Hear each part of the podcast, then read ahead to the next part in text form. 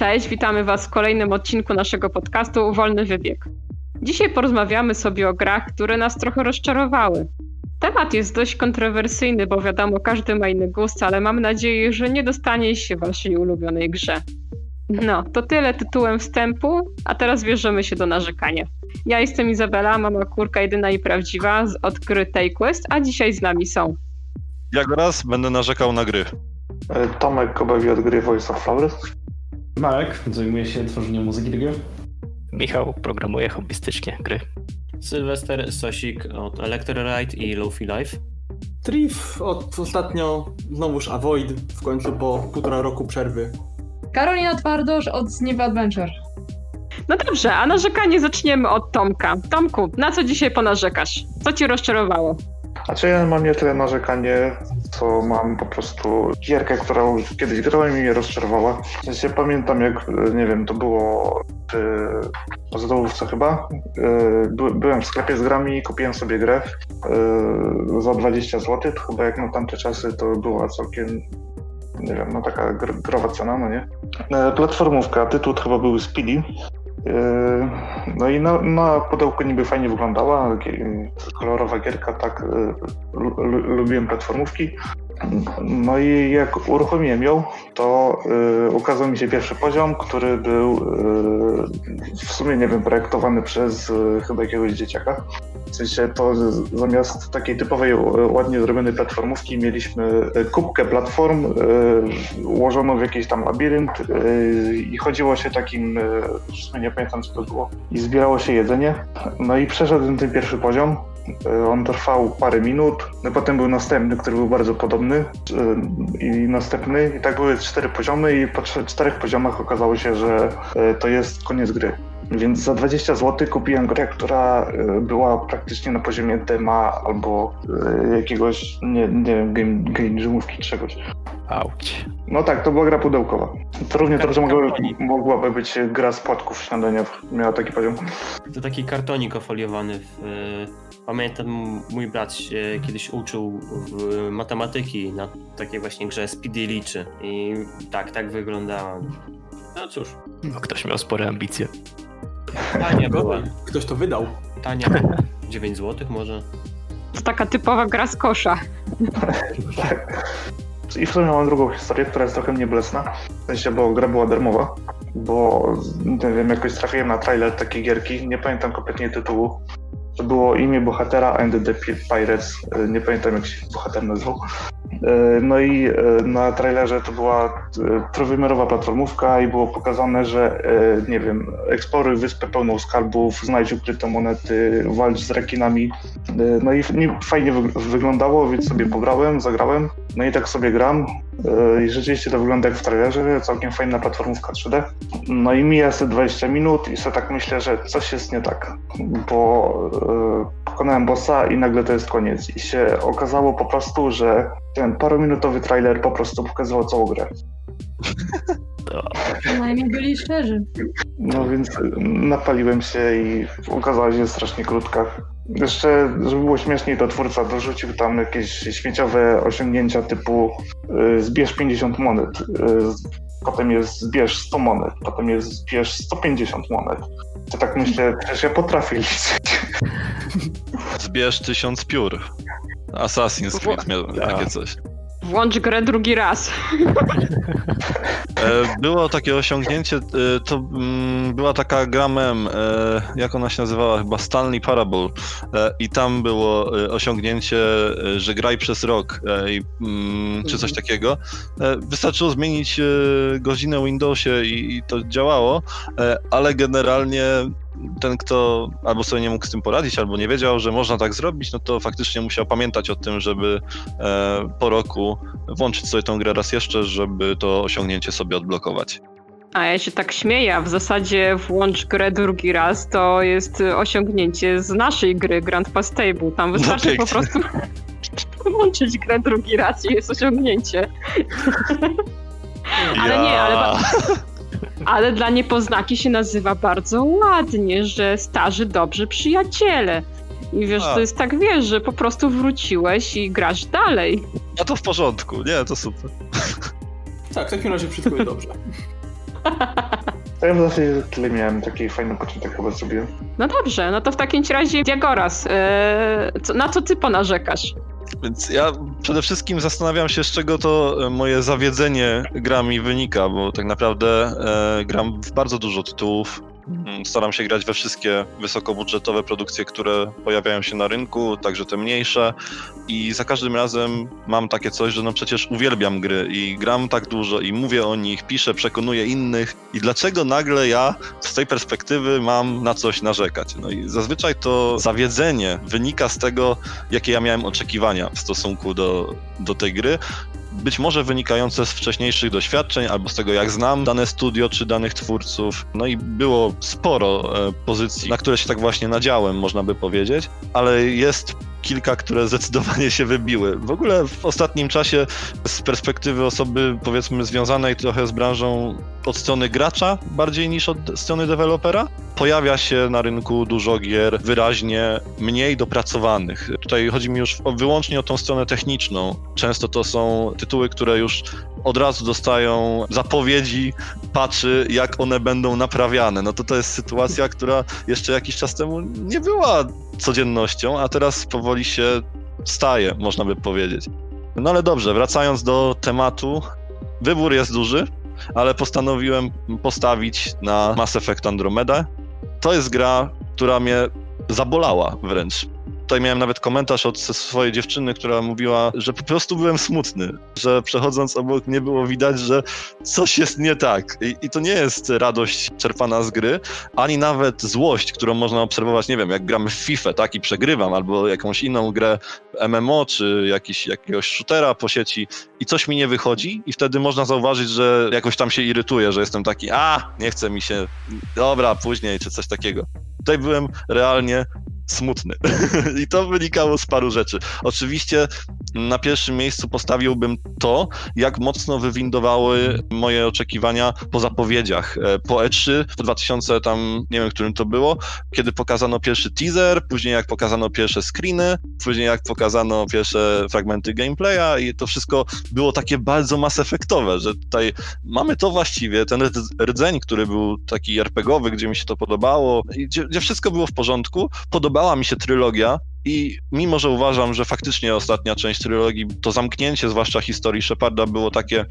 Mm, mm, no to mimo wszystko Mass Effect to rozczarowanie wprowadził Andromeda na zupełnie nowy poziom tutaj nie działało nic, tak? Oczywiście, po pierwsze, od strony technicznej mieliśmy problemy i z animacjami, i z ładowaniem, i jakieś wysypywanie się do pulpitu. To oczywiście zostało poprawione, ale zostały jakieś memy z e, dziwnymi animacjami twarzy. Oczywiście cały ten świat był zupełnie pusty, powtarzalny. Nie było tej takiej mięsistości e, historii Mass Effectowej, tylko taki bardzo widoczny na pierwszy rzut oka schemat. Czyli co będziemy robić przez resztę gry? Będziemy odwiedzać kolejne światy, będziemy robić powtarzalne misje, które są takie same na każdym z tych światów. Być może dostaniemy jakąś cutscenkę co 5 godzin gry, która powie, o patrzcie, historia jest. O. No i wtedy tam możemy coś robić jeszcze dalej. I oczywiście kończąc tą grę, nie udało się uratować tymi pięcioma cutscenkami na krzyż, bo historia w żaden sposób nie poprawiła sytuacji najnowszej odsłony. Więc tutaj faktycznie skończyłem grę mając wyrzuty sumienia, że dałem się złapać, że zaufałem, że złożyłem preorder. No i myślę, że to jest nauczka zarówno dla mnie, jak i dla wszystkich innych, żeby faktycznie z tymi preorderami się wstrzymać. Chociaż co oczywiście nie wyklucza tego, że w następny rok, następne E3, kolejnych pięć zapowiedzi, kolejnych pięć preorderów. Także no to jest, jak już jest człowiek głupi, no to tak wychodzi, tak? Ale w każdym razie omijajcie szerokim łukiem. No chyba, że ktoś po prostu chce sobie sprawdzić, albo jest to jego pierwszy kontakt z marką, no i po prostu to jest to, co chce sobie odpalić, żeby się wyluzować, czy, czy coś takiego, nie wiem. Mo może to kogoś jednak, może to znajdzie swoich odbiorców, bo to nie jest typowo zła gra, tak? Nie można powiedzieć, że to jest dramat, nie można tego dotknąć kijem, tak? Moje rozczarowanie wynika z tego, że znam trylogię i podobała mi się, a to jest coś zupełnie innego. Kupujesz remastery? E, kupię remastery, tak, ale, ale, ale to wiesz, kupię bardziej dlatego, że Paulina chciałaby sobie zagrać i po prostu dopiszemy do jej konta, no i przy okazji ja zobaczę, jak bardzo widać zmiany tych zmian, które ja zdążyłem wyczytać między wierszami, no to mamy poprawność polityczną, e, która tam delikatnie namieszała w tym, jak pracuje kamera w Mass Effectie. Jeżeli ktoś się interesuje, to może sobie doczytać na ten temat. No a pozostałe kwestie to przede wszystkim mm, poprawa cieni, poprawa oświetlenia. Także dla mnie drobnostki, bo te fajerwerki graficzne nigdy nie stały dla mnie na równi z tym, czym Mass Effect jest, co ma do zaoferowania. Także generalnie te poprawki no, nie są typowo dla mnie. Ja od siebie jeszcze dodam na temat Andromedy, że bałem się tego tknąć po zakończeniu trójki. I tak jak słucham siebie, to myślę, że to była dobra decyzja, żeby, żeby nie grać w, w Andromedę. Znaczy, ja wciąż uważam, e, że jest, jest dużo gier średnich, tak? I to jest jedna z nich. I, I nie przeczę, że komuś się to może podobać. Także jeżeli ktoś to sobie odpali, to może powiedzieć, hm, no, ładne, fajne, tak? Postacie są, można strzelać, brońki są fajne, umiejętności są fajne. Okej, okay, teraz już nie jest też tak tragicznie z tymi animacjami twarzy, nie gliczuje się tak wszystko jak na początku, także jestem w stanie uwierzyć, tak? Ale po prostu to, jak ja sobie wywindowałem, czym ta gra będzie, to jest ten problem, który dotknął teraz wielu graczy Cyberpunka. Także to jest to. Ale to jest ciekawe, no. bo przecież od początku mówili, że to nie będzie kontynuacja, tak, że to ma być tylko w tym samym świecie. Więc nie wiem, ja fanem nigdy nie byłem, w sumie będę dopiero ogrywał niedługo, być mam nadzieję przynajmniej, jeżeli znajdzie się jakiś tam czas ale no nie miałem żadnych oczekiwań. Wiedziałem, że to nie będzie kontynuacja trylogii, tak więc to... Tak, jasne, jasne. Tutaj wiesz co, e, jak, jak gra się w Mass Effecta, to widać taki postęp, taką ewolucję tego systemu RPGowego z jedynki do już praktycznie czystego shootera z trójki. I tutaj to jest już właściwie hack and slash w tej, Andromedzie. Tam po prostu masz masę umiejętności, wszystko ci wybucha na ekranie, ale najbardziej boli ta powtarzalność. To, że po prostu robisz w kółko to samo, tak na dobrą sprawę. No, straszne. Twoja recenzja z początku brzmiała jak recenzja innej gry, która do tej pory została naprawiona. Miałam, mam na myśli No Man's Sky, który w zasadzie można było kopiuj wklej twoją recenzję przykleić. Tak, tylko e, No Man's Sky, jakby e, oni się przejęli, powiedzmy. Tak. To znaczy, No Man's Sky obecnie wygląda dobrze, a Andromeda obecnie wygląda trochę lepiej. Także to jest, to jest ta różnica. Jeżeli mówimy o skali świata, tak, no to ciężko tutaj odnieść Andromedę do No Man's Sky pod względem jego wielkości, tak? Ale jeżeli chodzi o poziom skomplikowania, no to może już faktycznie Andromeda jest trochę bardziej skomplikowana, tak? Tutaj jeżeli mówimy o cyberpunku, tak, jak to wygląda tutaj, z tej strony, to faktycznie odpaliłem tą grę i zacząłem się śmiać ale Cyberpunk jest sukcesywnie łatany i też nie można było z całą pewnością powiedzieć, że to jest zła gra. Jest okej, okay, tak? Ale też nie jest wybitna. A tutaj oczekiwania, jakie Cyberpunk wokół siebie zbudował, wyraźnie wskazywały i kierowały konsumenta, że to będzie wybitna gra, że to będzie Wiedźmin 3.2. Także, no, rozumiecie o co mi chodzi.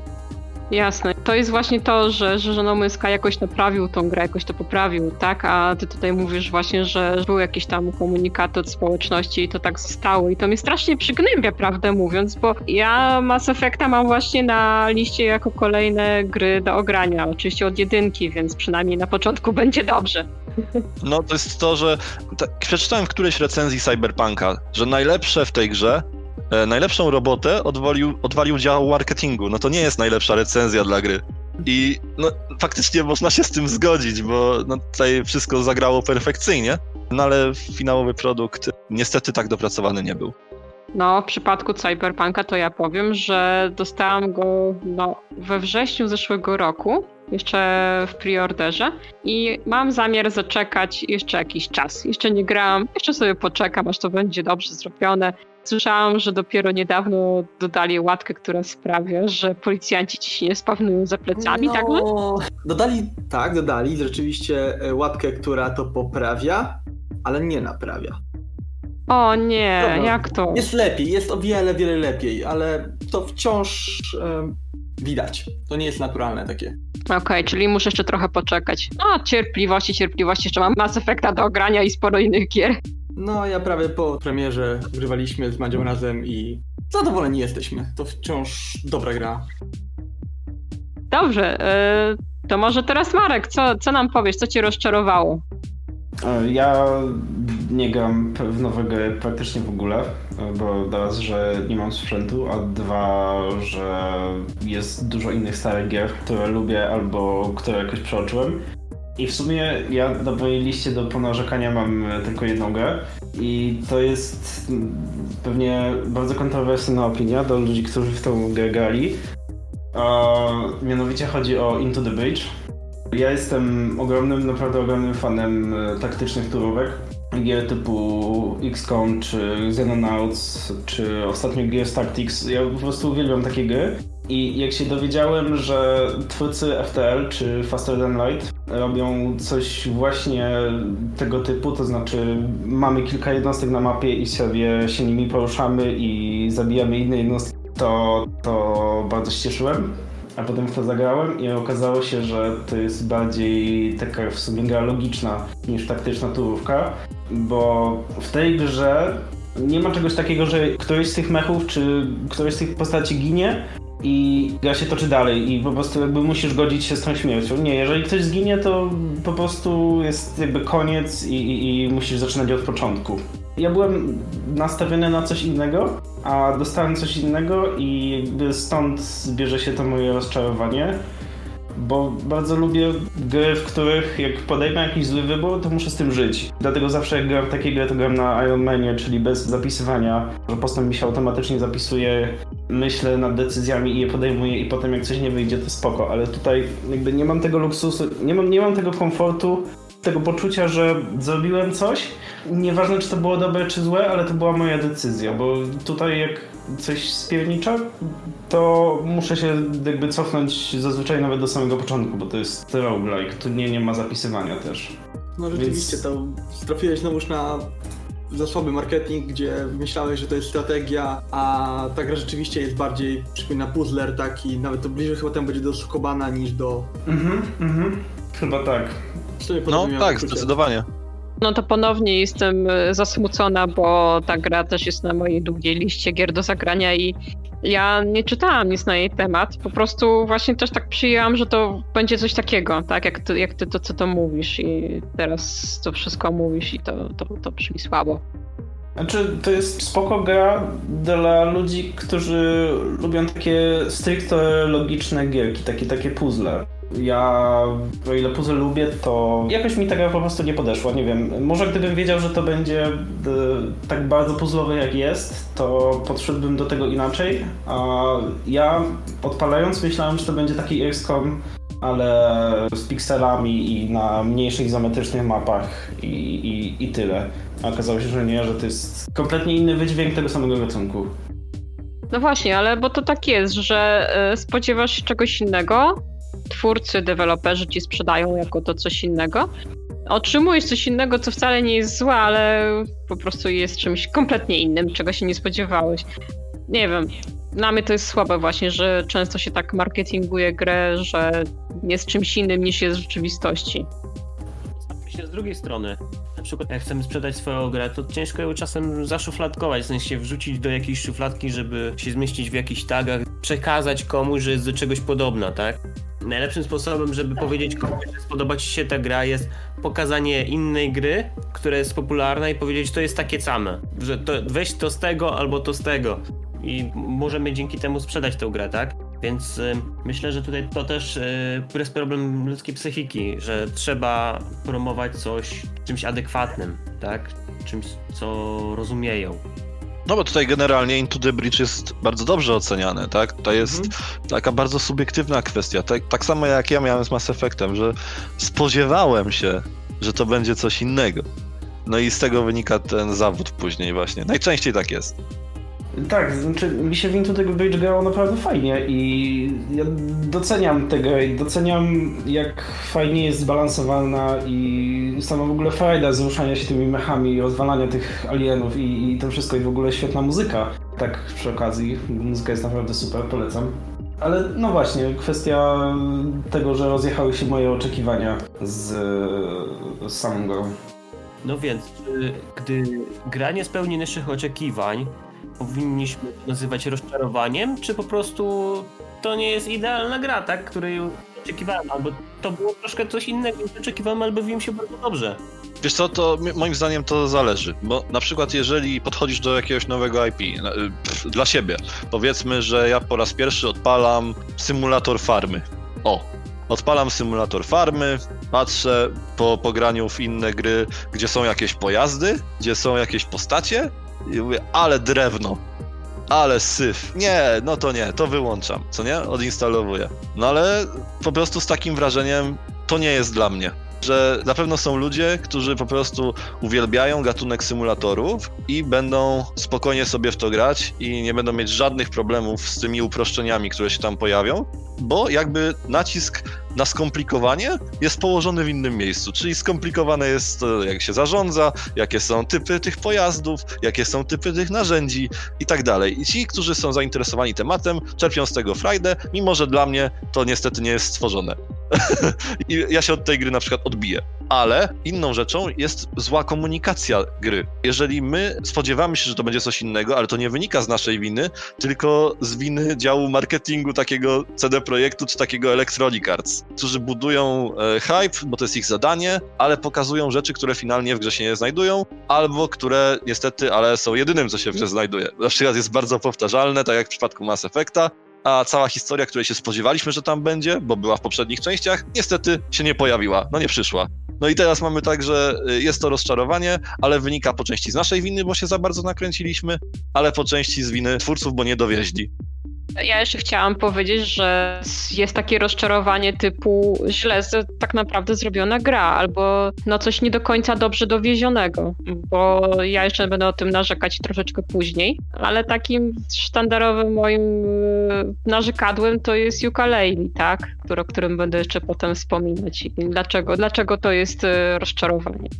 No to w przypadku właśnie tego, że coś jest źle zrobione, no to masz idealnie teraz e, świeży temat Cyberpunka. Bo dokładnie tak było. Ja miałem to szczęście, że grałem na mocnym pececie, więc dla mnie gra była od początku grywalna. W sensie mogłem przechodzić te misje, mogłem to popychać, było to w ogóle nieprzyjemne przez te wszystkie glicze i te wszystkie bugi, które się tam pojawiały.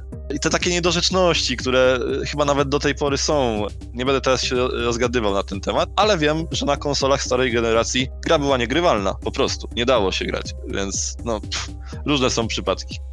A propos niegrywalnych gier, to może bardziej prywatne u mnie trochę rozczarowaniem jest wersja Electrolide'a na, na Switcha. Boże.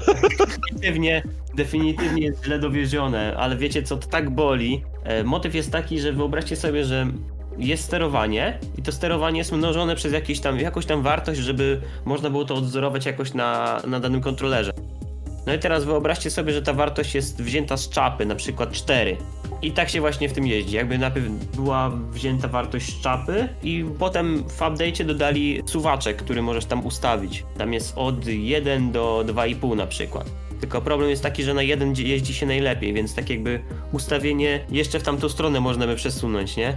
No, rozumiem. Ale zanim wypuścisz to wszystko na Switcha, to przechodzi jeszcze raz całą certyfikację. To są wszelkie koszty, to jeszcze dwa tygodnie ludzie muszą nad tym pracować, nawet żeby tylko głupiego builda puścić. I to, to, to moim zdaniem jest takie, no... Znaczy, ja nie mam pretensji też, żebyś tego tak nie odebrał do samych deweloperów, bo to najczęściej nigdy nie jest ich wina. E, najczęściej nie jest ich wina. Tutaj na przykład mamy te problemy raszowania tego, tej daty premiery, tak, że była przesuwana, ale przesunięta za mało, że pierwszy termin był nierealny, tego typu rzeczy, więc ja tak naprawdę do nikogo nie mam pretensji, tylko mogę mieć do siebie, że po prostu nie poczekałem. Nie poczekałem do premiery, nie poczekałem na pierwsze recenzje, na pierwsze opinie, no i tylko na tym się mogę uczyć teraz. Wciąż czekam i jak będzie ten cyberpunk działał, to, to może zagram jak jestem deweloperem, to patrzę na to trochę inaczej. Tak, kupiłbym w pełnej cenie, ale dobrze, jak za te dwa lata będzie naprawione i będzie za 30%, tak, to też kupię. No, teraz to by się nie śpieszy, tak? No, wielu osób się już nie śpieszy. To jest gra, na którą ludzie brali urlopy, żeby grać na pierwszą premierę, na drugą przesuniętą premierę, na trzecią przesuniętą premierę.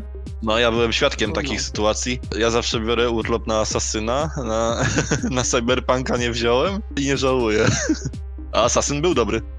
Czyli co, jaką, jakie macie rady dla słuchaczy, którzy nie chcieliby wtopnąć, tak? To pierwsza rzecz to na pewno no pre-orders. Tak, no chyba, że ja, ja mam coś takiego, że nawet się spodziewam, że gra będzie zła, ale z drugiej strony wiem, że i tak ją kupię, bo, no, bo podoba mi się setting, podoba mi się to, co deweloper robi. No mam tak niestety z Ubisoftem, że te ich gry jakoś bardzo mi leżą.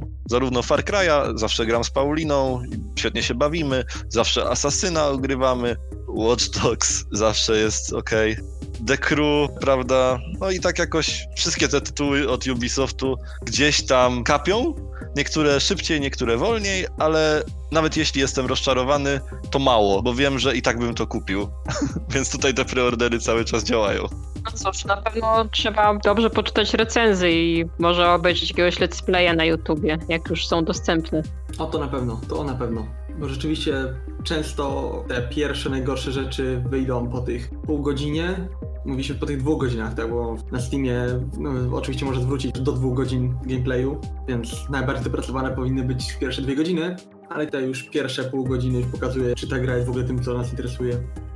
Też warto poczekać na opinie graczy, końcowych odbiorców, bo zawsze jak schodzi to embargo i wysypują się mm, recenzje tych dużych serwisów, to często jest tak, że te oceny są mocno uśrednione. Że jednak te wszystkie gry nowe trochę głupio im dać tam powiedzmy cztery oceny. Dawno nie widziałem, żeby jakieś takie gry online, czy jakieś IGN-y, czy coś takiego dały ocenę 4 na 10 na przykład. Naprawdę bardzo dawno tego nie było a z kolei użytkownicy końcowi w ogóle nie mają skrupułów i najczęściej to jest ocena rzędu 0, 1, 2, jak się im nie podoba, albo 8, 9, 10, jak im się podoba.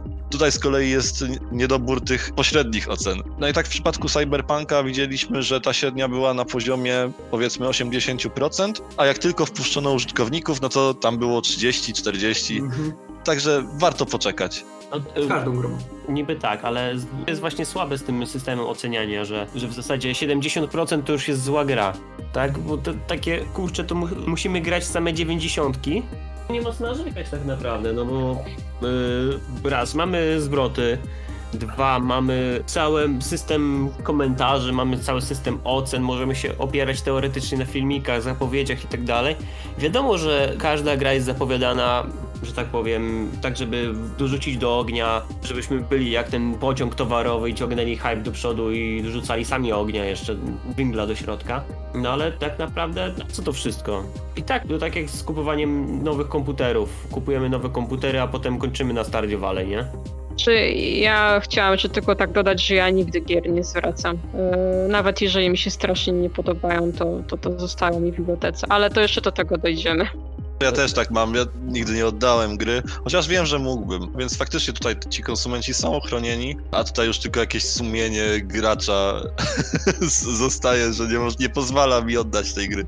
Ja to porównuję zawsze do kina, tak? Zobaczcie, pójdziesz do kina, film ci się nie spodoba, no dobra, nie zwrócisz go, nie powiesz, że obejrzałem cały film, trwał 3 godziny, był nudny. Nie, nie zrobisz tego, tak? Nie pójdziesz do kasy, nie powiesz oddaj mnie pani pieniądze i, i, i ja tu więcej nie wrócę przyjdziesz tutaj do kina, bo to jest fajne przeżycie. Spędziłeś swój czas. To są pieniądze za wejście do tego parku rozrywki, tak? Od ciebie zależy, co z tym parkiem rozrywki zrobisz. Czy to przyjmiesz, czy będziesz z tego wyciągać jakieś refleksje i tak dalej, a może ci się nie spodoba. Ale Sosik, posłuchaj, jest pewna różnica. Park rozgrywki to jest całość. Kino to jest całość. Płacisz za experience.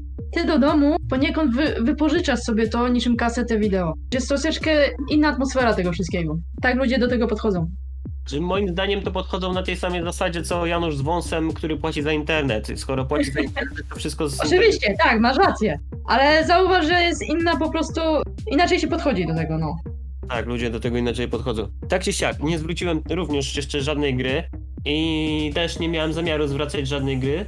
Motyw jest taki, że po prostu zagrałem sobie, dobra i po tym sobie myślę, czy było to warte tych, nie wiem, 15 zł.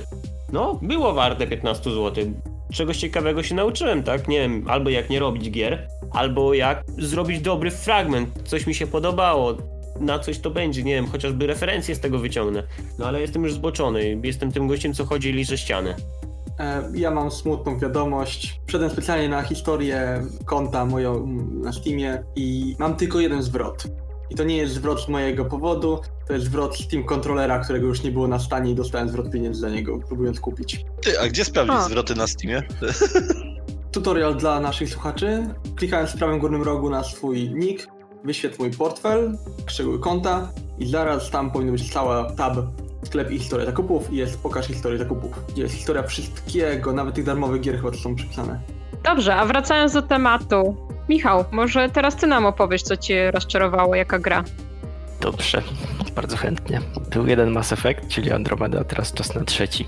Zawiodłem się na zakończeniu trylogii, ale powiem również, że całą trylogię pokochałem bardzo szybko. To w jaki sposób został świat zbudowany, jak ostrożnie i spójnie e, został przedstawiony graczowi oraz tempo wprowadzania gracza w ten świat. No bardzo szybko kupiłem Mass Effecta jak, jak paczkę żelków.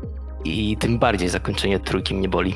Postaram się w miarę uniknąć e, spoilerów, ale powiedzmy, że trójka próbowała tłumaczyć istnienie obcej cywilizacji, która ma doprowadzić do zakłady całej galaktyki, podczas gdy to tłumaczenie nie bardzo miało sens. To była taka jedna rzecz. Druga, która spowodowała u mnie takie dziwne uczucie. No, nie, nie będzie spoilerem, jeżeli powiem, że okej, okay, żniwiarzy, czyli głównych przeciwników wszystkich cywilizacji żyjących w galaktyce, że tych żniwiarzy da się pokonać. Natomiast ja osobiście, gdy oglądałem ostatnie kascenki, ja się czułem, jakbym dokonał ludobójstwa na skalę całej galaktyki.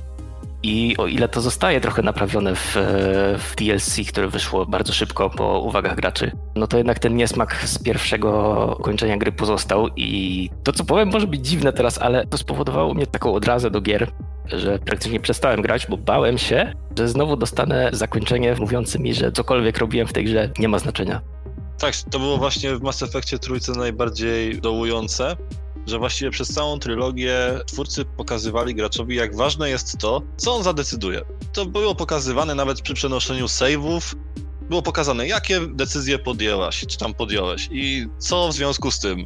Teraz tam ten świat się inaczej ukształtował przez to, co ty zrobiłaś w poprzedniej części. Fajne. I tak cały czas można było ratować postacie, można było zabijać postacie przez swoje e, wybory, aż tu nagle, na koniec, dostajesz wybór z Matrixa albo niebieska, albo czerwona. Radź sobie. I, tak. I, I, tak dostajesz, bo to moment, przez całą grę byłem uczony, że wszystko ma znaczenie, a teraz mam wcisnąć X albo Y. Dlaczego? I, I to jest koniec gry. Tylko tyle. Nic więcej nie trzeba. Nieważne, co się działo przez całą trylogię. Aż wcisnąć X albo Y. Dokładnie, to jest to uczucie, które miałem na początku. No i to była jedna z rzeczy, która nie sprawiła, że zagra... sięgnąłem po Mass Effecta wcześniej. Jednak leży on głęboko na mojej półce wstydu. Rozumiem, w pełni rozumiem.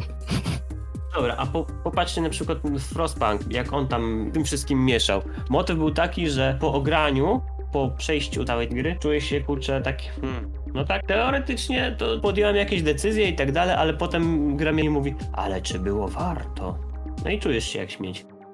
No, nie, no tak. Do pracy zagoniłeś. Tak, bo tam Frostbank w ogóle budował narrację w ten sposób, że każde ulepszenie to była taka, taki ciężki wybór miał być, że tam zjedz dziecko, ogrzej dziecko, ale wtedy zajmuje ci miejsce w wiosce, zajmuje ci miejsce w wiosce, albo będziesz na jedzonych miał tych, co są w wiosce. No i tak tego typu wybory, a więc faktycznie oni celowali w to, żeby się tak czuć. Czyli to jest taka gra, że jak się czujesz zbyt dobrze, to włącz sobie Frostpunka, to, to, ci, to cię zmiesza z błotem. Znaczy, oni, oni znaleźli taką swoją niszę, tak? 11-bit, mm -hmm. bo podobnie było z This War of Mine. To była wojna z perspektywy cywili, no i też były tego typu wybory, że przychodzi nasza szkapa, tak, pod drzwi twojej bazy i mówi daj mi leki, a ty patrzysz do eku no i mówisz, dobra, masz dwie tabletki painkillery i pięć osób, które prawdopodobnie ich potrzebują. No i mówisz temu dziecku, że w tej naszej szkapie, tak, idź sobie.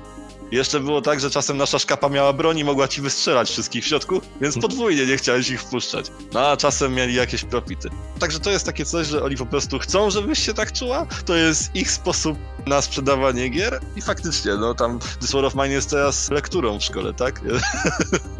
Mhm. Tak, ale trzeba też im to przyznać, że oni wiedzą, co robią i robią to dobrze, więc nie, nie narzekamy na nich. Jak najbardziej, jak najbardziej, oczywiście. A Trif, może ty masz na co ponarzekać? No, wy się w sumie streściliście, pomimo że już długo siedzimy razem. Ja tam malutką listę zrobiłem, licząc, że rzeczywiście będziemy mieli dużo rzeczy do obgadania. No cóż, no jak nie chcecie, to nie, to ja się pogadam, rozgadam. Na pewno na szczycie mojej listy jest y, Hollow Knight. To jest gra, którą dość długo czekałem, żeby ograć i zrobiłem to dopiero w zeszłym roku. Znaczy się zabrałem dopiero się nią w zeszłym roku. Uwielbiam Metroidvanie, uwielbiam tą stylistykę. Pod względem mechaniki walki też gra jest świetna, ale po 5,5 godzinie, po dwóch zabitych pierwszych bossach, nudziła mi się niesamowicie. Jak każda Metroidvania dodawała rzeczywiście coś bardzo ciekawego, co sprawiało, że po prostu gra wywracała się zazwyczaj do góry nogami, typu właśnie odbijanie się od ścian, czy w ogóle wchodzenia z sufity, czy jakieś specjalne wiem, linki, potrójne skoki, to Hollow Knight bardzo wolne miał to tempo z tymi umiejętnościami, że chyba właśnie po tych pięciu godzinach miałem dostępny tylko double jump i dash, dobrze pamiętam. I wiedziałem, że gra ma do zaoferowania jeszcze dużo więcej, ale jakby nie czułem progresu takiego, którym byłbym się zadowolony grając w Metroidvanie, żeby grać dalej. I żałuję, bo chcę wrócić do tej gry, ale naprawdę czuję taki disappointment, że coś tu poszło nie tak i masa ludzi uwielbia tą grę, masa moich znajomych też ciągle płacze, bo nie wiem, czy już ostatni dodatek ten wyszedł, czy nie i ciągle czekają na niego. Mnie nie poruszył tak bardzo, w sensie, no, że chciałem i chcę grać dalej w niego, ale coś nie tak z nim tak. Brzmi jakbyś miał ten problem e, z Hollow Knightem, co wiele osób miało z Dark Souls, że to często było tak, że ten poziom trudności nie był windowany przez to, co powinien. Na przykład w Dark Souls były takie zarzuty, że najwięcej czasu to się traci na dojście do bossa, tak, jeżeli Mhm. zginiesz. W Hollow Knightie było podobnie. Tutaj sytuacja się zmieniła w przypadku Sekiro. Tutaj te odległości były znacznie mniejsze. No i może stąd wynika to narzekanie, bo faktycznie oceny Hollow Knighta są bardzo dobre. To jest bardzo dobra gra, jest naprawdę świetnie dopracowana, tylko coś w tym tempie gry mi przestało pasować. Bardziej gra w sumie się skupiła już na tym etapie, gdzie byłem na eksploracji i szukaniu, że hmm, gdzieś pośród 30 miejsc, które widziałem, że nie wejdę, bo to oczywiście Metroidvania, więc widać, gdzie nie doskoczę, czy jest zablokowane jakimś przejściem, gdzieś jedno z nich poprowadzi mnie dalej, bo już odblokowałem umiejętność. I to nawet nie było takie oczywiste, że widać czerwone drzwi i zielone drzwi, tylko naprawdę musiałem eksplorować tą mapę, walcząc z przeciwnikami kolejnymi tymi, tymi samymi, po to, żeby znaleźć to jedno miejsce, które gdzieś jest, bo mapa nie za bardzo pomagała. Więc to takie, no wrócę do tej gry na pewno i być może to mnie zmotywuje w sumie teraz, żeby kliknąć zainstaluj i znowu spróbować w wolnej chwili. No ale Hollow Knight jest takim naprawdę grą, którą miałem niesamowicie wielkie oczekiwania wobec niej i nie spełniła ich. A kolejną grą, do której miałem wielkie oczekiwania, był i jest dalej Untitled Goose Game, który O! jest rewelacyjną grą, tak na gifach. Ale to co z nią jest nie tak, bo aż mi zaskoczyłeś. Chyba się jeszcze nigdy nie spotkałam z taką opinią, chociaż jeszcze nie grałam, więc nie wiem. Ten problem jest mój innej natury, bo gra jest fajna, jest przyjemna i rzeczywiście to jest gra, którą można usiąść na moment dosłownie, na 10 minut i wrócić do niej później. Ale zaczęliśmy ją grać w kopie z Madzią moją na Switchu. Wyszedł właśnie update Switchowy, czekaliśmy na niego długo. I po prostu próbujemy kontynuować to razem, tak? Prób- Próbujemy, czyli już od ponad roku chyba nie próbowaliśmy, chociaż nie wiem, czy być może w listopadzie zeszłego roku wyszedł ten update, nieważne, trzymajmy się faktów. I po prostu mamy duży problem z przysiągnięciem do tej gry ponownie, żeby kontynuować, bo nie chcemy tego robić e, samemu, tylko chcemy robić razem, a to wciąż nie jest gra na tyle fajna w koopie, żeby robić to razem. Bo jednak ten koop działa fajnie, przyjemnie, AI bardzo dobrze zrobione pod tym względem, że ciężko jest coś tam zepsuć, zgliczować czy coś tego typu, ale w dalszym ciągu jedna osoba byłaby w stanie zrobić większość rzeczy, tak, bo to jednak była gra designowana pod jedną osobę. Więc tak przez większość czasu albo druga osoba próbuje coś ruszyć, sprawdzić czy się, się da radę coś z tym zrobić i być może paść na rozwiązanie zagadki, podczas gdy druga już robi wszystko to, co jest zaplanowane w planie konkretnie, czyli trzeba, trzeba, trzeba coś ukraść, trzeba coś gdzieś postawić, takie rzeczy. Aha, rozumiem. Czyli to jest jakby w zasadzie problem feature'u dodanego trochę na siłę. Właśnie wydaje mi się, że on świetnie będzie działał przy dzieciach. Przy czym znowuż, biorąc pod uwagę, że to jest najlepsza skradanka ostatnich lat, plus tematyka jest rzeczywiście taka, no, nie dziecięca za bardzo, tak? To są wciąż gęsi robiące przykrość ludziom. To dziwnie się czujesz. Grając z dzieckiem byłoby chyba o wiele przyjemniej, w sensie, że próbować to dziecko prowadzić, widzieć, próbować rozwiązywać te zagadki w ten sposób, niż właśnie grając konkretnie tak w kopie. Że być może po prostu to zostało nam źle sprzedane marketingowo. No, ale to mówię, to też jest takie narzekanie trochę na siłę, bo ogólnie gra jest bardzo fajna, jest świetna, przyjemna, grafika jest przepiękna, więc takie mówię, no, na siłę, na siłę. Mimo wszystko polecasz. Polecam bardzo. Być może o wiele lepsza byłaby, gdyby po prostu siąść i w jednej sesji przez 8 godzin ograć całą grę. Znaczy nie wiem, czy wystarczy 8 godzin na to, ale no ciężej jest do niej wrócić. Przeglądając myślistę moją, szybko przypomniałem sobie o Monster Hunterze, którego próbowałem już do trzeciej chyba wersji przysiąść i w dalszym ciągu uwielbiam tą mechanikę, uwielbiam ten gameplay, ale sterowanie jest czymś, co nie, nie przeskoczę. I w nowej wersji w Rise poprawili to i dodali właśnie linkę, która zwiększa w ogóle movement, jest przyjemniej, szybciej, ale wciąż to jest za mało dla mnie. No największym disappointmentem dla mnie w dalszym ciągu będą Pokémony Swordy i Shieldy. I nawet bardziej z osoby drugiej, bo Madzia więcej czasu spędza przy, tą, przy tej grze niż ja. Ja tylko spędziłem może z 3-4 godziny. Ale ta gra jest regresem względem poprzednich Pokémonów Let's Go Eevee, Let's Go Pikachu. Pod względem graficznym, gameplayowym. To, że właśnie Let's Go Eevee był spin-offem serii, zmieniając mechanikę, że już nie ma tej walki konkretnie, tak? W walka jest tylko z innymi graczami, nie, nie z dziczą. Więc e, mechanika jest lekko zmieniona, ale sam progres, jaki gra przeszła, w końcu wychodzą właśnie w tą erę 3D i wychodzą na Switchu, na mocniejszej konsoli, to był krok w przód, naprawdę fajny, pomimo, że gra była adresowana bardziej właśnie do młodszych graczy już w ogóle wiele łatwiejsza, tak, bo to nawet nie można mówić o tym, że to jest remake Pokémonów Yellow, bo nie jest to, to jest zupełnie inna gra. Ma tylko fabułę Pokémonów Yellow. No a po tym jak wyszły zapowiedzi Pokémonów Sword i Shield, jak zobaczyliśmy tą Wild Area, które ciężko nazwać 3D, brakuje tam najprostszych rzeczy jak tekstury trawy, jakiegokolwiek bump na trawie, tak? Rzeczy tego typu.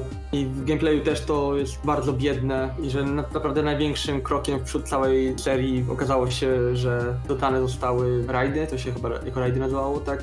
Tak, tak. Które są po prostu losowe i że gracz wchodzi i oho, what's that Pokémon, czyli masz zgadnąć z czym będziesz walczył, albo robisz rage quita i kurzasz w ten sposób innych graczy, którzy chcieli to zrobić. Te, więc e, Pokémony, Swordy i Shieldy nawet nie zostały ratowane przez DLC, chociaż DLC zrobiło to trochę lepiej, rozwijając fabułę i w końcu dostaliśmy w sumie DLC do Pokémonów, gry, która no, nadaje się na to, żeby ją tak po prostu do, dokładać do niej treść. No Ale cóż, i całkowicie pomijam dramę, jaka była z usunięciem wielu Pokémonów, tak, z Pokédexa. To było wiadome, że na premierze gry, gdy dataminerzy się dokopali do plików, które okazało się, że te one są tam, więc po prostu czekają właśnie na jakieś DLC, czy na włączenie wajchy typu specjalny event w grze, nie z okazji jakiegoś tam święta czy coś. I to bardzo mocno przecież był disappointment dla graczy na całym świecie. Ale w sumie to mnie mało chwyciło, bo jednak byłem jednak bardziej fanem tego, że 800 Pokémonów to już trochę za dużo Pokémonów. Szczególnie biorąc pod uwagę walki PvP i to, że 90% z nich nigdy nie zostanie użytych, złapanych, w sensie złapanych zostanie. Tylko po to, żeby zostać wpisanym w Pokédexie i być wypuszczonym dalej. To mnie jakoś bardzo nie ruszyło. No dobrze, to skoro jesteśmy generalnie przy Pokemonach, to może Karolina by nam coś powiedziała, na co ona by ponarzekała, co ją rozczarowało. Obawiam się, że miała bardzo dużo do narzekania odnośnie nowych Pokémonów, zaczynając od generacji szóstej. Więc nie wiem, czy wam się chce o tym słuchać. Postaraj się streścić. No cóż, no, ogólnie rzecz biorąc, to jest tak, oni mają fajną, fajny koncept, fajną bazę i można na tym faktycznie coś fajnego zbudować, ale zamiast to rozwijać, oni dodają jakieś kompletne bzdurne rzeczy, które mają nam zakryć to, że nadal gramy w tego samego starego, odgrzewanego kotleta i żeby po prostu gracze umilkli, że to nie jest stary kotlet. Jakieś tam pierdółki typu kempingi, głaskanie Pokemonów, dodatkowe, nie wiem, już nawet sama nie pamiętam, bo nie przykładam uwagi do tego. Tak, tego typu rzeczy, które nie mają wpływu w ogóle na gameplay, a jeżeli mają, to jest, jest minimalne albo jest Mhm. a gdzie główny gameplay nigdy nie jest dotknięty na tyle, żeby był naprawdę, no, compelling, po angielsku wyrażę. Coś, co faktycznie sprawi, że będziesz chciał wracać do tej gry, tak jak wracałeś za dziecka. Ja wiem, oni teraz celują w, w nową generację, generację ludzi, którzy chcą łatwiejsze gry, ale z drugiej strony Pokémony dzisiaj się gra trochę jak coś, co jest, no, bez serca. Bez duszy, bez serca, bez tego czegoś. Czy faktycznie było tak, że y, jak wyszło Pokémon Let's Go Pikachu i Let's Go Eevee, to wszyscy mieli nadzieję, że to jest ta odsłona dla dzieci. Że w te gry zagrają osoby casualowe, a my czekamy na korowe Pokémony, które będą specjalnie dla nas hardkorowców. No i dostaliśmy i Shield, tak? No i to jest, Mhm. to było takie... I to boli, tak, boli. Bo faktycznie e, Let's Go jest o, o wiele lepiej wygląda, o lepiej, o wiele przyjemniej się w niego gra. Wszystko jest w nim lepsze, mimo że to jest spin-off. To jest zwykły spin-off, bazujący na Yellow i w pierwszej genie, ale no, jest po prostu lepszy od tego, co dostaliśmy w ostatniej generacji. Teraz to już widać, w którą stronę poszli, bo czekamy w tej chwili na remake'i. Będą także nowe Pokémony chyba się nazywają Legends, jeżeli dobrze pamiętam. E, Legend Arceus. Tak, dokładnie, a te remake'i to Diamond and Pearl, nie? Miały być. Mhm. No, Mhm. no także faktycznie tutaj ten temat odgrzewanych kotletów ewidentnie się spodobał i będziemy mieli tego więcej. Zobaczymy jak zostanie przyjęte Pokémon Legends, nie? Legends of Arceus, czy jak mu tam. No i zobaczymy z jaką jakością. Dokładnie. Lina, a poza Pokemonami coś jeszcze cię rozczarowało? Hmm, ukulele. Ale to co już ty o tym wystarczająco chyba mówiłaś. A, możesz Nie? powtórzyć. Ja uwielbiam słuchać narzekania na ukulele. Powiem tak, wyrzuciłam bardzo wiele z pamięci, żeby się nie złościć po prostu, ale postaram się przypomnieć. Pierwszą rzecz, jaką pamiętam, to to, że ta gra no, nie wyglądała jakoś tak szczególnie. Wyglądała jak każda inna gra 3D z tamtego okresu, więc to było coś takiego. Gram w to samo co wszyscy, a miało być coś specjalne, więc okej, moje ekspektacje zostały troszeczkę, były troszeczkę za wysokie, okej, rozumiem, będę grać dalej. Gram dalej, ale z kolei gameplay coś trochę jest taki nie, nie hej. Patrzę, piórka są po roz... piórka, tam były piórka, tak? Już nie pamiętam. Powiem ci szczerze, że już też nie pamiętam. Chyba, chyba tak. Mniejsza z tym. Coś tam Ale- było do zbierania, no. Małe, małe znajdźki, które trzeba było zbierać. E, W oryginałach, znaczy w oryginałach, e, bo to ukulele jest e, spiritual successor z e, Banjo Kazooie i tak dalej. W oryginałach e, zbierałeś notki i miałeś. Także te notki faktycznie wskazywały ci gdzieś. Poziomy nie były aż tak duże, bo wiadomo, tamte czasy, ale te notki pomagały ci się zorientować w przestrzeni 3D, która w tamtych czasach była nowa, tak? W tej grze ja wchodzę, notki są porozwalane po całej arenie, są dosłownie wszędzie, ja je zbieram, są poukrywane i nie mam pojęcia gdzie iść. A światy tam naprawdę są duże. Ja tam chodzę i czasami nawet nie ma nawet gameplaya, tylko po prostu sz- szukam notki czy miejsca, którego jeszcze nie widziałam, bo wszystko wygląda tak samo, albo jest tak duże, że nie potrafię się znaleźć w tym świecie. Więc to był też duży minus dla mnie. Tak, dla mnie to też był jeden z minusów. Też się tam gubiłam. Dodatkowe minigierki w tym arcade'zie były okropne. To były tak na siłę wciśnięte i tak kompletnie niepasujące do rozgrywki, że mi się absolutnie się nie poddawało. Ja wiem, że próbowali uchwycić trudność z lat 90. czy tam 80. czy skądś, ale nie przemówiło do mnie. A ty przeszłaś w ogóle całą tą grę do końca? Tak, tak. Całą chyba na 100%. No, ja to samo i pamiętam jak strasznie czekałam na tę grę i bardzo, bardzo, bardzo chciałam ją kupić i kiedy wreszcie już ją dostałam, to byłam taka właśnie podekscytowana, że u, taka fajna, ładna gra, bo graficznie mi się podoba. A jak zaczęłam grać, to się okazało, że no, jest po prostu strasznie, strasznie popsuta, bo oprócz tego, że właśnie się gubisz, gdzie jesteś, to jej największym problemem jest moim zdaniem praca kamery, tak? Bo gra od ciebie wymaga zrobienia czegoś, na przykład rozwiązania jakiejś zagadki przestrzeni i ty nie możesz się nawet dobrze rozejrzeć tak naprawdę, bo za przeproszeniem masz kamerę na sztywnym kiju i nic nie możesz ani zerknąć, ani pod nogi, ani wokół siebie, ani nic w tym stylu. I tak naprawdę Wiesz, większość rzeczy robisz na ślepo. Wiesz, co ci na ten temat powiem? Ja, No. ja bardzo lubię tego typu platformery, ja bardzo lubię clunkiness tych gier z tamtych czasów, więc kamera absolutnie mi nie przeszkadzała, nawet lepiej dodała mi do experience'a, bo faktycznie czułam się jakbym grała w starą grę. Więc y, ja cię rozumiem, masz absolutną rację, kamera jest okropna, tak, ale mi z mojego osobistego poziomu, w takim jakim ja enjoyuję, tą, enjoyuję tego typu gry, mi się podobała, bo lubię po prostu jak jest y, ciężka kamera i musisz z nią walczyć. Oh my Sekiro, god. Sekiro by ci się spodobało. Możliwe, a nie wiem co to jest. Gra roku poprzedniego. Sorry, w poprzednim roku e, z- moją grę developowałam, ciężko było nadążyć.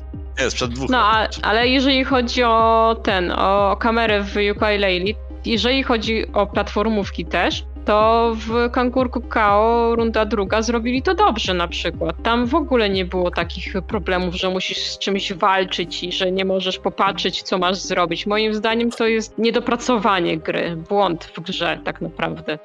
Zgadzam się z tobą, tylko po prostu powiedziałam z mojej osobistej perspektywy. Z ciekawości to ci powiem, że nie grałam nigdy w Kangur Kakao, a słyszę same pozytywy na temat tej gry. W odróżnieniu od ukulele jest naprawdę fajnie zrobiona. Zawsze wiesz, gdzie masz iść, zawsze wiesz, gdzie jest twój cel i nie masz takiego właśnie poczucia zagubienia, jednocześnie jest bardzo fajny progres tej grze i właśnie nie musisz z nią walczyć przede wszystkim, bo w ukulele to ja miałam wrażenie, że ja muszę ze wszystkim walczyć i ja lubię dokańczać gry, nawet jeżeli mnie strasznie denerwują, to lubię je dokańczać. I bardzo jest niewiele takich gier, po których tam odpadam po jakimś tam czasie. Ale no ukulele jakoś tam zdzierżyłam tam do tego końca, ale stawiło na mnie to trwały uraz psychiczny. I No ja taki... strasznie polecam w takim razie Sekiro, bo tam nigdy nie wiecie, gdzie macie iść. Zawsze musicie z czymś walczyć i kamera jest paskudna. Ale tam świat oddycha. Świat oddycha jak najbardziej. Najczęściej jest płuc wielkiej małpy, którą jak zabijesz, to pojawia się druga wielka małpa. I z którą walczysz kolejne półtorej godziny i może wtedy będzie dobrze. A mogę dodać jeszcze coś odnośnie kamery? Iza, jeżeli y, chcesz sobie porównać to, co ja uznaję za ciężką kamerę, to zagraj sobie w Medievilla na PlayStation, tego oryginalnego. Ja... Okej, najpierw muszę znaleźć PlayStation. Okej, spoko. Ja tą grę lubię właśnie ze względu też na ciężką kamerę, bo to, że potrafię się nią obsługiwać sprawia mi po prostu radość, nie? Inną grę to bym się mogła polecić na 3DS-a, e, ale tytuł jest strasznie długi. Delusions of von Sottendorf, czy coś takiego. To jest taki puzzle 3D, ale tam też jest kamera jak za starych czasów i też jest ciężka i też mi się bardzo podobała, że nie pozwalała mi na wiele rzeczy. Ja podbijam stawkę z gorszą kamerą. Legacy of Kane Soul River. Okej, wygrałeś. Nie, nie mam nic do Bardziej- dodania. bardziej Wy, 3D. wygrałeś. wygrałeś. Nie, tak, pełne 3D, platformówka 3D, gdzie no tak, wydaje mi się, że od niej zacząłem to mówić, że kamera jest twoim największym przeciwnikiem. Nie, to prawda. Ja, ja, się, ja się zgadzam. Wycofuję się z Sekiro. Sekiro jest super. Kamera jest świetna. Ja, jeżeli chodzi o Sekiro, to mi najbardziej w pamięci została. Znaczy, jakby to jest, y, to jest Souls-like, tak? Czyli mamy bardzo trudne walki z bossami i generalnie gracie kara za twoje błędy cały czas. E, No i wyobraźcie sobie walkę godzinną z bossem i nagle kamera przykleja się do randomowego bambusa. I nie możesz nic zrobić. I po prostu ten bieda przeciwnik nawet wykańcza cię, to nawet tego nie widzisz. I to jest całe Sekiro. To jest dramat. A żeby nie było, gra mi się bardzo podobała, nawet mimo tej kamery. Jest taka jedna gra z serii, którą bardzo cenię i bardzo uwielbiam i jest moją ulubioną serią gier, Oddworld. I to jest Manch Odyssey. I wiecie na czym polega Oddworld ogólnie, czy nie? Ja tak, oczywiście. Tak, Oczywiście. Świetnie, oryginały były 2D, Manch jest 3D. To tak da, dla tych, co słuchają. To był ich taki pierwszy skok w 3D i wiadomo, wielki hype, cutscenki świetne, ale gameplay, o mój Boże, gameplay jest tak pusty, tak repetytywny, tak tragiczny. Tam się nic nie robi, tylko jedzie z punktu A do punktu B. Ja wiem, wczesna gra, zmieniali konsole i tak dalej, ja to rozumiem. Ale o mój Boże, to jest tak pusta i bez polotu gra, w której gracz musi po prostu powtarzać jedno i tą samą czynność non-stop, że aż, aż mi Jakbyś, mózg paruje. jakbyś zaczęła to mówić bez podawania tytułu, to jestem ciekawy, jaka inna gra przyszłaby wam do głowy. Iza. A mi cały czas po głowie chodził Snake Pass. Nie wiem, czy ktokolwiek grał, ale tam Grałem, grałem. Gram jeszcze. Ten wąż taki? Zawiesiłem na którymś levelu. ja też się zawiesiłam na którymś levelu. Przeszłam, tak, to jest z tym wężem. Ja tam gdzieś około 3 godzin mam nabite, ale w każdym razie to jest kolejna gra z y, taką paskudną kamerą. Ja miałam straszną ochotę na tą grę, bo ona mi się bardzo podobała. Znowu była śliczna, kolorowa. Ja takie gry bardzo lubię. Zresztą ja w ogóle wszystkie gry lubię. Myślałam, że się przy niej będę fajnie relaksować. Włączyłam ją i po pierwszych 10 minutach wiedziałam, że to jest po prostu ciężka walka z kamerą i że po prostu ja tego nie dam rady. Tam 3 godziny i stwierdziłam, dobra, nie, to po prostu jest masochizm, daję sobie spokój. No bo opis twardej mi bardzo pasował do jednej gry. I to też jest poniekąd kontrowersyjne, bo tak naprawdę gra jest oceniana wysoko. Ale ktoś ją kiedyś porównał, e, nie wiem czy nie Maciej Makuła, do tego jakby ktoś namalował jakiś obraz świetny, Monelizy na przykład, i zrobił z niej rzutki.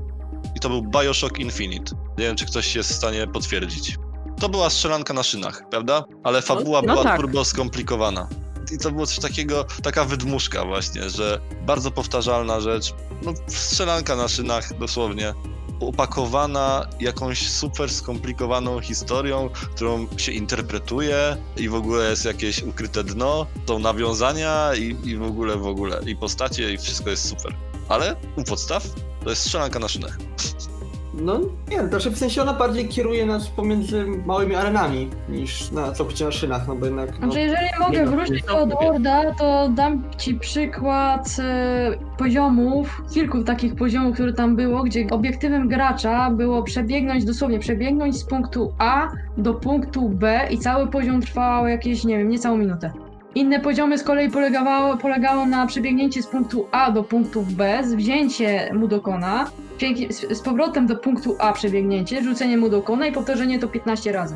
No czyli zabawa, idealnie by pasowało, jakby było questem w jakimś MMO. 15 razy to samo w jednym poziomie w grze, wiesz, no takiej 3D. Nie, nie? rozumiem, rozumiem doskonale. Nie, to dramat. Żeby nie było, e, na tamte czasy gra jest imponująca, bo ładnie wygląda, ale no po prostu nie wiem co siadło, nie wiem co się stało. Gameplay po prostu jest bardzo, bardzo nieciekawy i to, to ogólnie zgadzają się fani mniej lub bardziej, że to jest gra, o której wolą nie mówić, bo nie jest za dobra. Ma fajną fabułę, fajnie wygląda, cutsceny są świetne, nowa postać jest introdukowana, ale no gra jak się gra, ciężko. Okej, jeszcze wracając do Bioshocka Infinite, to ja muszę powiedzieć, że mnie się na przykład ta gra bardzo podobała i to tak naprawdę nas y, sprowadza całą tą rozmowę do tego, że gusta i guściki są faktycznie bardzo różne i każdy lubi co innego. Nawet jeżeli jest jakaś gra, która jest nienawidzona przez wszystkich, to na pewno gdzieś znajdzie swojego fana. I myślę, że możemy tą miłą konkluzją zakończyć dzisiejszy podcast. Ja jestem Izabela, mama kurka od gry Take Quest, a dzisiaj z nami byli Diego raz. Kobewi. Marek. Michał. Lester Sosik. Tref. Karolina.